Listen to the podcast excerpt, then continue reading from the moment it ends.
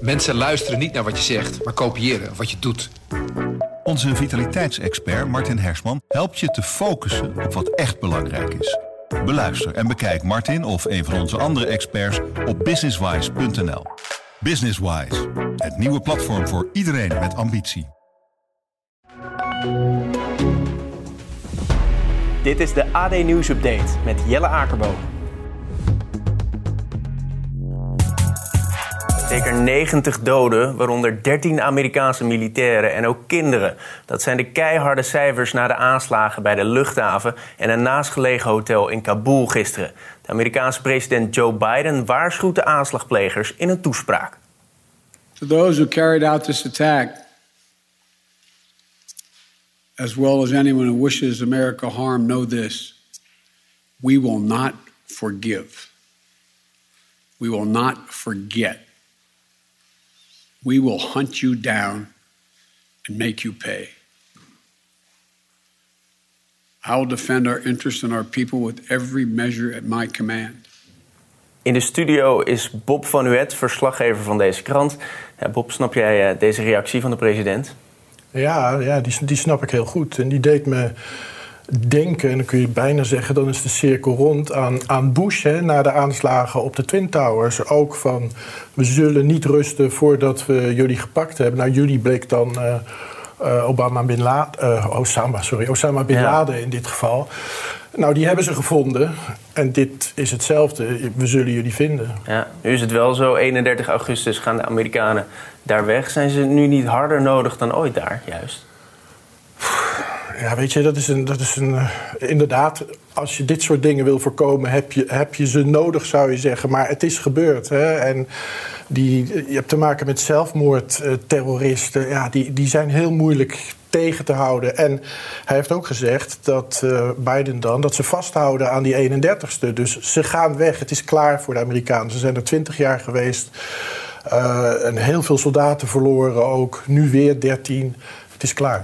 Wordt er rekening gehouden met meer aanslagen? Ja, zeker. zeker. En, en juist ook omdat er zoveel symboliek aan vastzit. Hè. We hadden het al over die, die Twin Towers, dat was dan Al-Qaeda. Nou, hier zit een tak van uh, Islamitische Staat achter.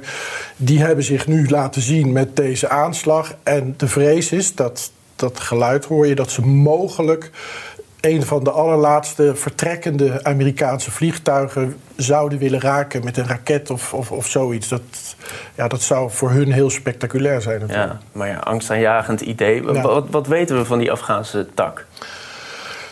Um, nou ja, je hebt, je hebt Al-Qaeda en Islamitische Staat. Dat zijn de twee grote terreurorganisaties hè, van, van jihadisten, zullen we maar zeggen. En die hebben allebei een hoogtepunt gehad. En op het hoogtepunt uh, zijn ze zich gaan verspreiden over de wereld. Nou, Islamitische Staat die hadden hun kalifaat. En toen dat uh, ja, werd verslagen, onder andere door de Amerikanen, zijn die veteranen, zal ik maar zeggen, overal naartoe gegaan. Ook naar Afghanistan. En daar zit dus dat, uh, dat ISK. En die hebben dezelfde doelstellingen als Islamitische Staat. Dat wil zeggen, alles wat westers is aanvallen, Amerikanen aanvallen. En mensen die, in dit geval Afghanen, die met het Westen samenwerken aanvallen. Nou, dat kwam gisteren allemaal samen. Want hoe zeker is het dat die ISK hierachter zit? Nou, ze hebben het zelf opgeëist. En, en wat ook wel belangrijk is, is dat de manier waarop dit is gegaan dat is typisch zoals zij dat doen in Afghanistan. Ja. Je moet ook niet vergeten, deze aanslag, uh, ja, daar zijn we allemaal heel erg van onder de indruk. Maar het afgelopen jaar zijn er in Afghanistan al 60, 60 van dit soort aanslagen geweest. Op ja. meisjesscholen, op politiebureaus, op noem maar op. Daarbij zijn duizenden Afghanen omgekomen is ook een van de redenen waarom al die Afghanen weg wilden. En die hoopten dat met de Taliban, dat in ieder geval dit, hè, deze aanslagen zouden stoppen. Nou, die gaan dus door. Want is er een link met de Taliban? Het is nu natuurlijk de Taliban die nu al bijna twee weken het land vrijwel in handen heeft. Uh, is er een link tussen die ISK en de Taliban? Uh, uh, ja, in de zin van dat het gezworen vijanden zijn. Want de Taliban die zitten meer op de lijn van, van Al-Qaeda en Islamitische Staat.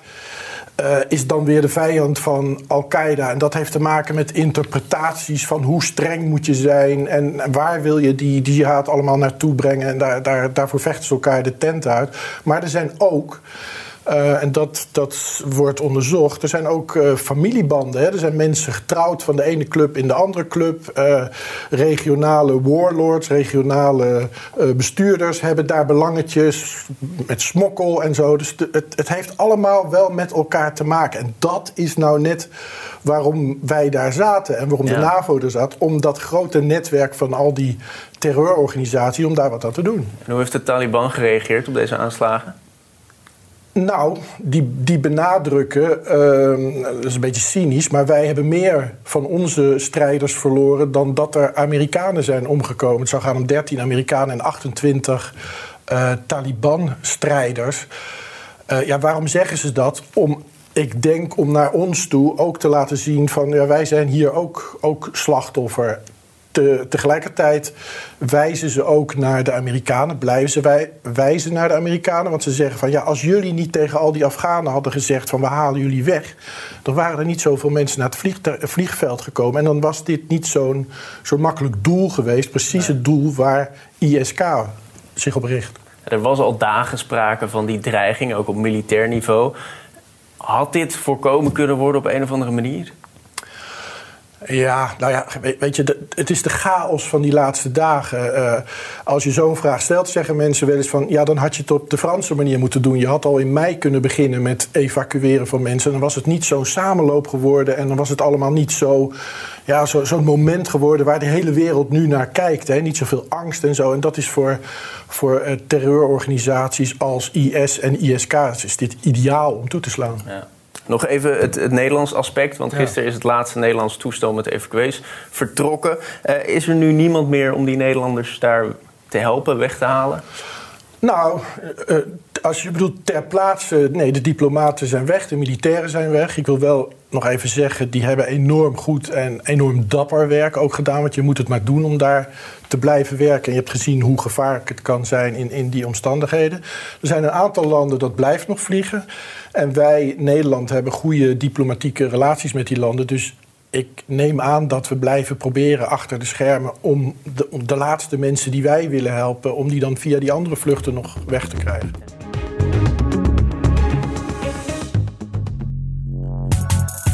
De rol van de 18-jarige Mees bij de gewelddadige dood van Carlo Heuvelman op Mallorca is mogelijk nog groter dan gedacht. Verslaggever Victor Schildkamp volgt deze zaak. Ja, Victor, waar wordt deze Mees op dit moment allemaal van verdacht? Nou, behalve van uh, doodslag hè, op Carlo Heuvelman wordt hij ook verdacht van tweemaal poging doodslag en tweemaal openlijke geweldpleging. En die poging doodslag, dat is dan omdat hij ook andere jongens uh, of mannen of vrouwen of in ieder geval personen heeft geschopt daar, uh, daar in Mallorca, op Mallorca. Dus ehm, de lijst is aardig uitgebreid voor hem. Ja, dat is er dus bijgekomen. Waar, waar, zijn, waar is dat op gebaseerd? Op welke verdenkingen? Nou ja, er zijn inmiddels al tientallen getuigenverklaringen en beelden binnen. Ik weet niet precies, uh, ik heb die beelden natuurlijk zelf niet gezien, maar uh, er zijn in ieder geval beelden waar hij op staat. Niet van de, van de schoppen van Carlo Heuvelman, maar wel van andere jongens. En, uh, en er zijn natuurlijk heel veel getuigenverklaringen inmiddels. Het ziet er voor hem ook niet zo geweldig goed uit, want hij lijkt toch wel echt degene te zijn die Carlo Heuvelman nog heeft geschopt nadat hij al was gevallen. En ja, dat, dat is dus een liggende man schoppen tegen zijn hoofd. Um, dus dus, dus uh, hij lijkt wel echt uh, een van de absolute hoofdverdachten te zijn. Ja, wat betekent dat dan voor zijn voorarrest? Nou ja, heel simpel. Die komt voorlopig nog niet vrij. Ik bedoel, als je soms van, deze lijst wordt verdacht, dan uh, laten ze je echt niet zomaar gaan. Want daar kan natuurlijk een flinke celstraf uit, uit rollen. Bovendien, het is ook niet de bedoeling dat hij, als, die, als zijn voorarrest geschorst zou worden, dat hij dan met andere getuigen, betrokkenen kan gaan praten en, en overleggen. Wat, zullen we allemaal eens vertellen? Het moet wel een beetje kloppen. Een van de manieren om die mensen te pakken is natuurlijk ehm, ja, door aan te wijzen waar, waar, hun verhalen straks niet helemaal op elkaar lijken. En dan, ehm, dan ehm, dan zit deze jongen in ieder geval wel echt in de knel, dat is duidelijk. Ja, want in totaal zijn er in deze zaak nu vijf verdachten aangehouden. Uh, verwacht je dat er nog meer aanhoudingen worden ver, verricht? Ja, de laatste keer dat we het hierover hadden in de show dan uh, was, uh, was nummer drie net opgepakt. Die werd ook verdacht van doodslag op Carlo Heuvelman. Daar zitten nu drie mannen voor vast. die twee jongens die daarna nog zijn aangehouden, die, die worden niet verdacht van, van doodslag op Carlo Heuvelman. Hè. Die worden verdacht van, van andere zaken. Ik verwacht wel dat er nog meer aanhoudingen zijn voor lichtere vergrijpen dan het doodschoppen van Carlo Heuvelman. Um, maar of dat op korte termijn gaat gebeuren, dat weet ik niet.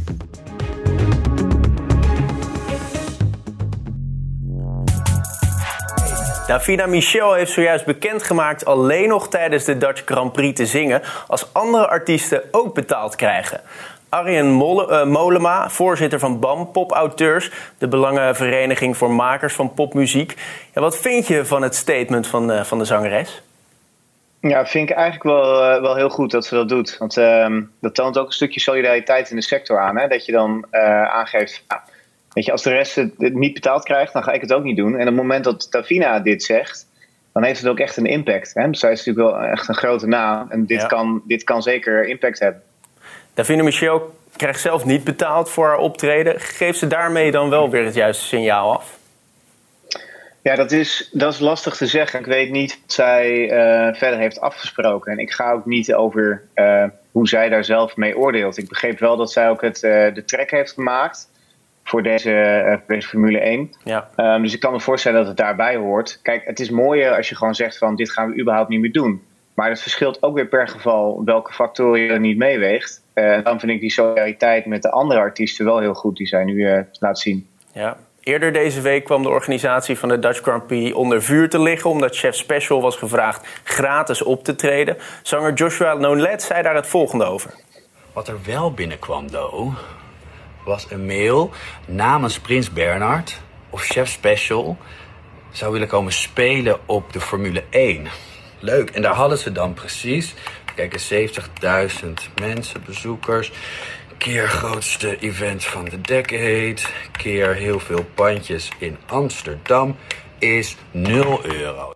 Ook verschillende muziekorganisaties waren niet te spreken over het verzoek om gratis op te treden. Hoe groot is dit probleem in de muziekindustrie hier in Nederland? Ja, heel groot. En ik, ik, lach, maar dit is helemaal dit is niet grappig. Ik lach omdat hij het zo juist brengt en het zo vaak voorkomt. En um, dat het juist ook bij een band als Chef Special, die zo groot is en zo gevestigd, nog steeds wordt gevraagd. is ontzettend, ontzettend jammer en schaamteloos, zou ik bijna zeggen. Dus het is echt een heel groot probleem. Want waarom zeg je dan schaamteloos? Ja, omdat je eigenlijk niet erkent dat dit ook gewoon een vak is. En dat hier, uh, het gaat niet om, om een paar mensen die gewoon voor de lol op een podium staan op een gitaar te. Nee, het is een vak, het is een kunst, het is een, uh, een beroep. Daar hangen heel veel mensen achter. Dat geeft uh, Josh in zijn filmpje ook aan. Je hebt gitaartechnici, licht- en geluidstechnici, bandleden. Uh, het, is een, het is een hele operatie, het is een heel bedrijf. En door gewoon te zeggen van, hey, wil je niet even komen spelen? Neem je dat eigenlijk allemaal niet serieus. En dat is een houding die, uh, die ondertussen in de kunstensector behoorlijk begint te, te irriteren. Ja, zeker na dit jaar kan ik me voorstellen. Er is nu een hoop commotie ontstaan. Denk je dat dat een soort verandering ja, teweeg gaat brengen? Ja, ik hoop het. Ik denk dat alles helpt. En um, zo'n groot geval, dit is zo high profile dat het al twee dagen nu ook uh, in het nieuws speelt.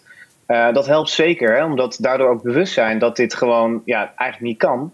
Dat, dat is nu gewoon weer groter geworden. En mensen kunnen ook hierop teruggrijpen, kunnen in de toekomst ook weer zeggen: van ja, weet je nog die kwestie met Chef Special, Prins Bernhard, Formule 1. Uh, dus ik denk zeker dat het helpt. Maar ik verwacht niet dat het morgen in één keer is opgelost. Dus het zal blijven gebeuren. En we zullen er aandacht aan moeten blijven besteden vanuit de sector.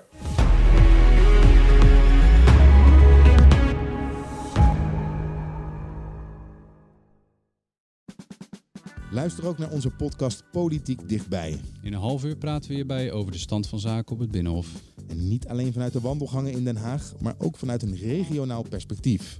We zijn te vinden in onze app, op Apple Podcast en op Spotify. En wie zijn wij dan? Wij zijn Leonard Beekman en Tobias den Hartog.